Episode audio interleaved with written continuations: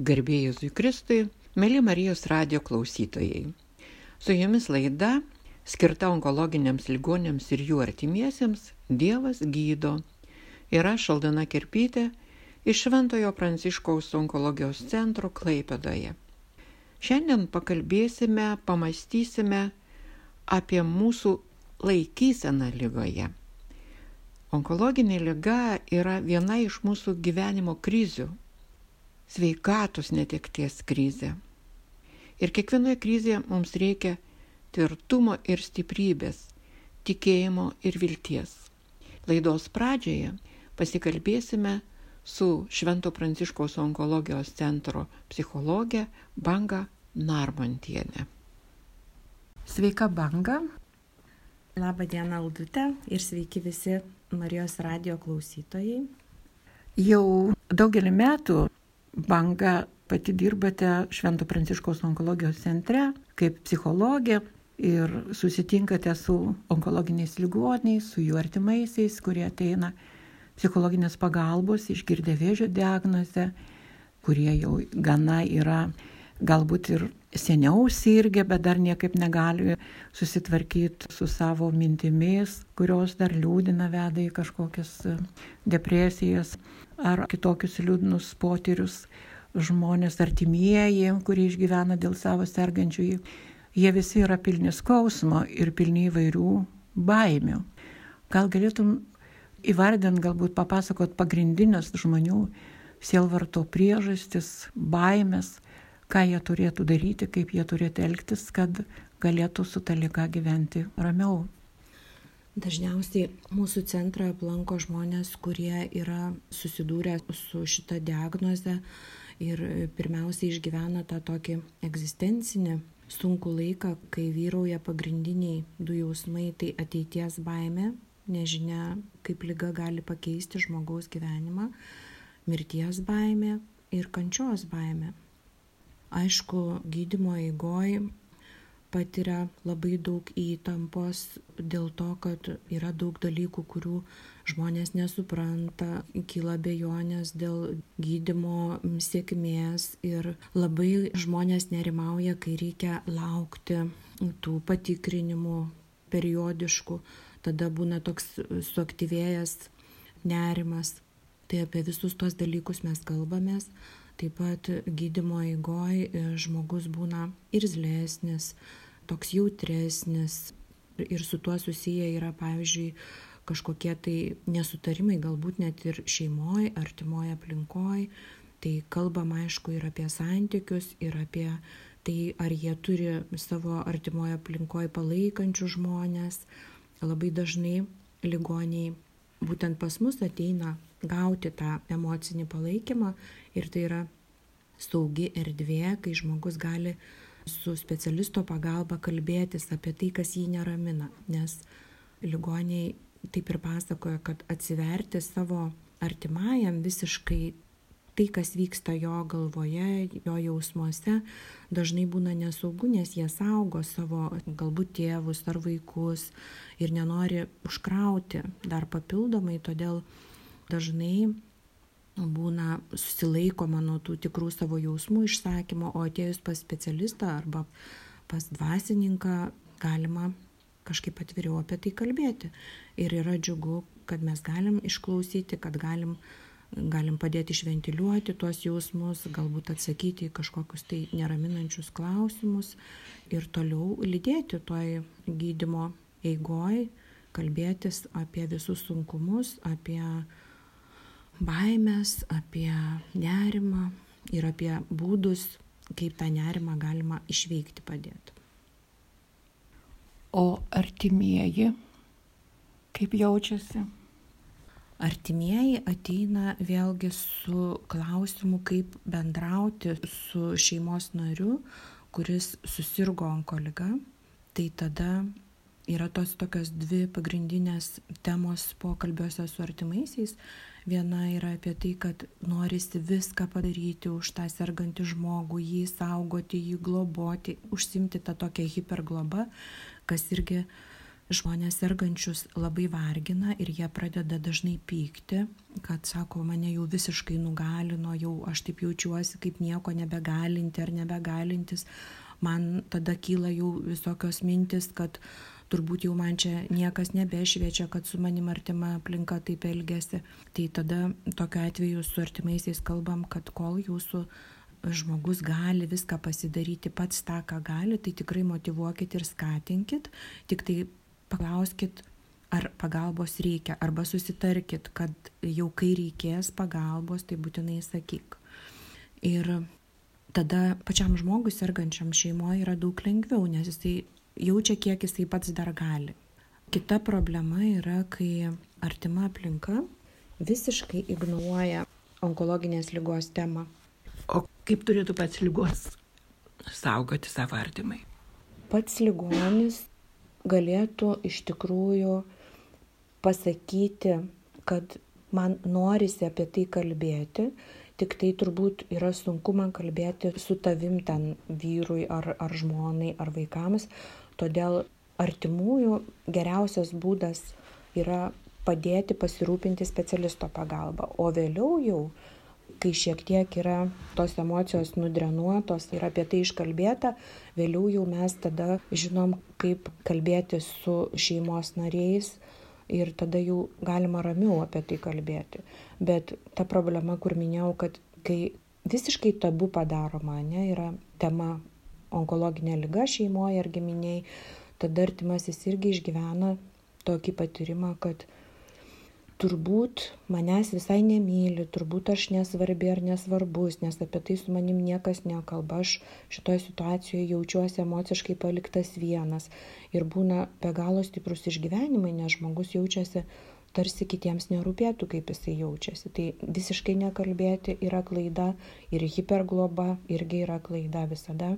Kviečiam į tą tokį bendradarbiavimą, kalbėjimąsi, Mes darom susitikimus atskirai artimiesiams, atskirai ligonėms. Tada būna kartais, kad bendrą konsultaciją pasidarom per kažkokią tai metodiką, kurią galima kartu atlikti ir būtent analizuojant tą atliktą užduotį, vėlgi kalbame apie jausmus ir tai labai dažnai padeda išgirsti vienam kito pusę ir tuos išgyvenimus abipusius. Dar dažnai būna klausimas, ar sakyti artimiesiems, ar sakyti vaikams, kad susirgau, ar sakyti tėvams.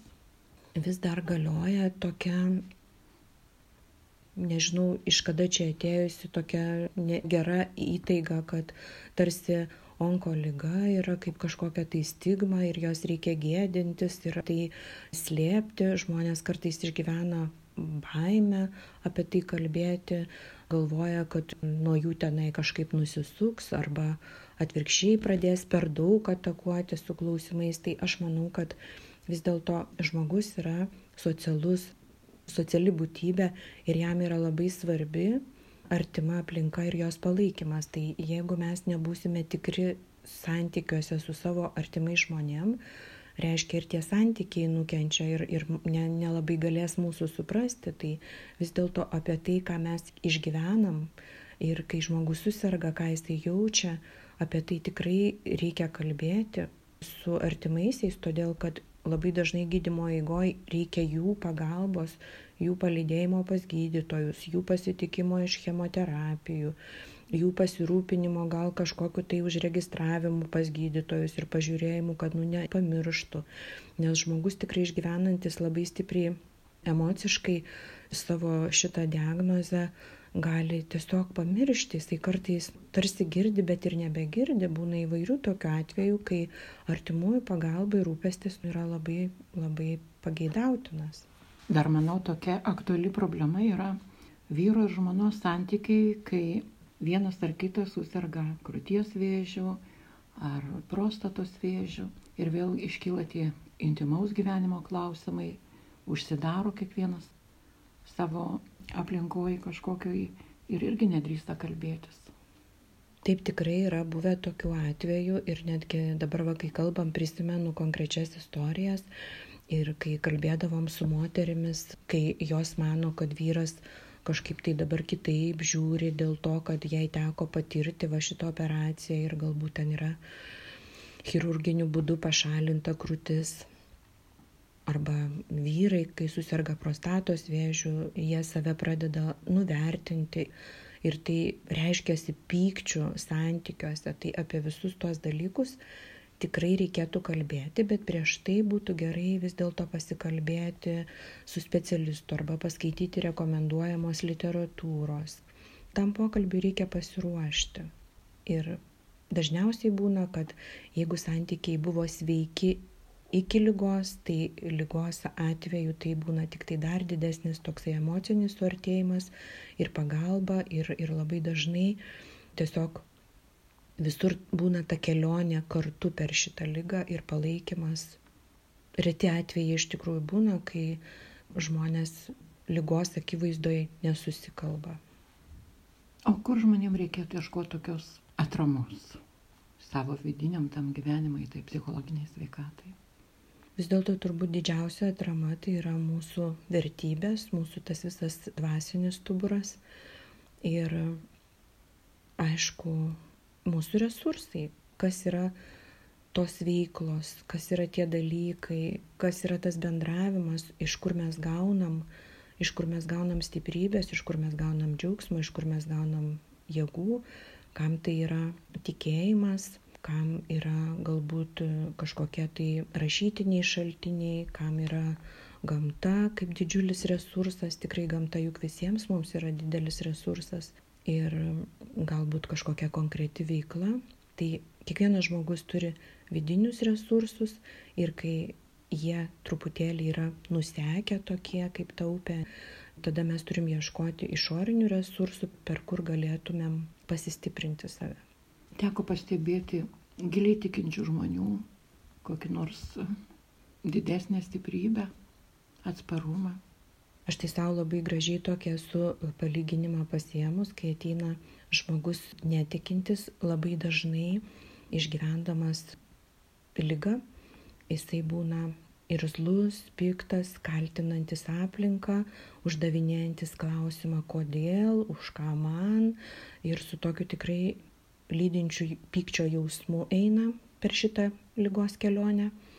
O tikinti žmonės yra emociškai daug stipresni, jie turi didesnę vidinę ramybę ir man toks, kaip ir sakiau, vaizdinys iškyla, tarsi jie turėtų kažkokius tai papildomus ramentus, atramas, kai gyvenimas išsiubuoja, išbalansuoja, jie turi tikrai į ką atsiremti ir jų baimė yra tikrai mažesnė.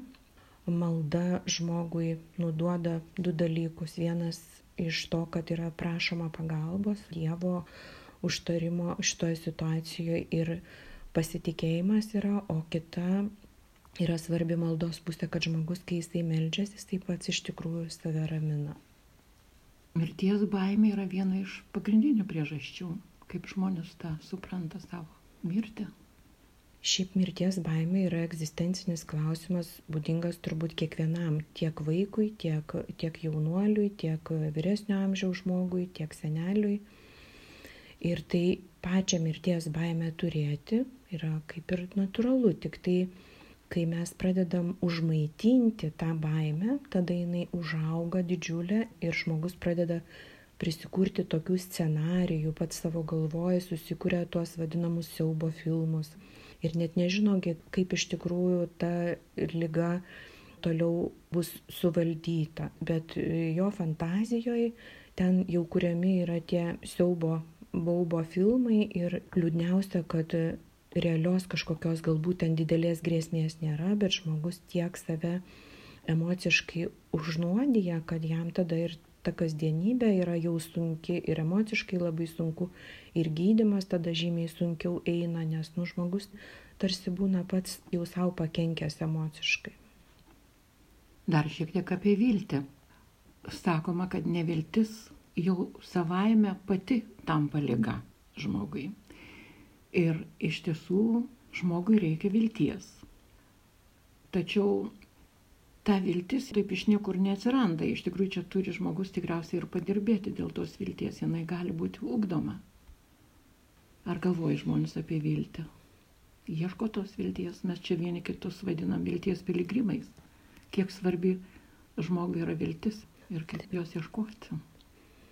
Tai vėlgi apie tuos tada resursus galima sugrįžti. Kai išoriniuose resursuose, tai reiškia mes vieni iš kitų galim tą viltį perduoti, galim dalinti, bet šiaip tas pozityvus toksai mąstymas yra ateinantis iš šeimos, iš auklėjimo kultūros ir jeigu visada būdavo akcentuojama, pavyzdžiui, žmogaus auklėjime tik tai blogi dalykai ir visada tik tai matymas ateity tik tai pačių blogiausių dalykų, laukimas tik tai kraštutinumų, tai taip, tokiam žmogui yra daug sunkiau, žmogui, kuris turi šiek tiek kitokią auklėjimą, labiau pozityvų, turbūt kyla visokių minčių, taip, bet e, tada vis tiek fokusas didesnis yra į viltį, į pagalbą, į pasitikėjimą ir į tai, ką aš pats galiu padaryti,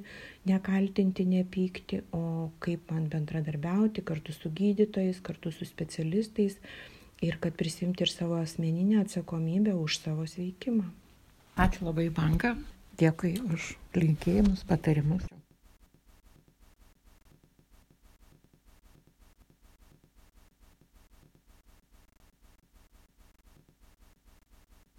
Tęsėme laidą.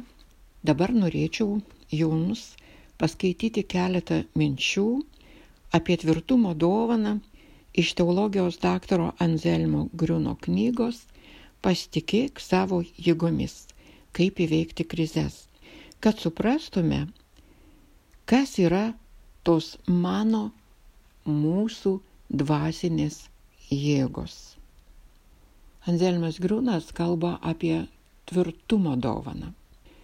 Tvirtumas padeda kovoti tiek už gyvenimą, tiek ir už gėrį. Tvirtumo dovana visuomet yra susijusi su narsos darybė. Jeigu esu įsitikinęs savo reikalo teisumu, Kovosiu už jį, net jeigu ir būsiu sužeistas. Narsa reiškia, kad aš nebėgsiu nuo iššūkių, bet stosiu prieš juos. Narsuolis nebijo diskusijų, jis nesirentuoja į daugumą, bet elgesi pagal savo sąžinę, žvelgia problemams į akis ir bando nepasiduoti. Todėl tvirtumo dovana dar apima ištvermę ir kantrybę. Tai yra darybė nepasiduoti ir atlaikyti vidaus ir išorės polimą. Apdovanotas tvirtumo dovana turės ir užtektinai jėgų jį ištikusioms krizėms įveikti. Nei vidinės, nei išorinės krizės jam nieko negalės padaryti. Šventoji dvasia nori atverti mūsų akis, kad gebėtume būti drąsūs, stiprus ir tvirti tačiau mes šaukėmės jos, kad ji mūsų gebėjimus pripildytų savosios jėgos. Kai kalbame apie šventosios dvasios dovaną, tikime, kad Dievo dvasia ateis mums į pagalbą. Kiekvienas turime šiek tiek stiprybės, tačiau dažnai jos nepakanka atsilaikyti prieš mūsų gyvenimo audras. Pagodos teikia žinia, kad šventoji dvasia mus stiprina, ji ištobulina tai, kas jau slypi mumise, suteikia naujos jėgos tai stiprybei, kurie yra mumise iš prigimties. Todėl mums nereikia bijoti, kad neištversime krizės. Šventoji dvasia dovanoja mums pasitikėjimą, dovanoja savo jėgą, kai mūsų pačių jėgos mus apleidžia.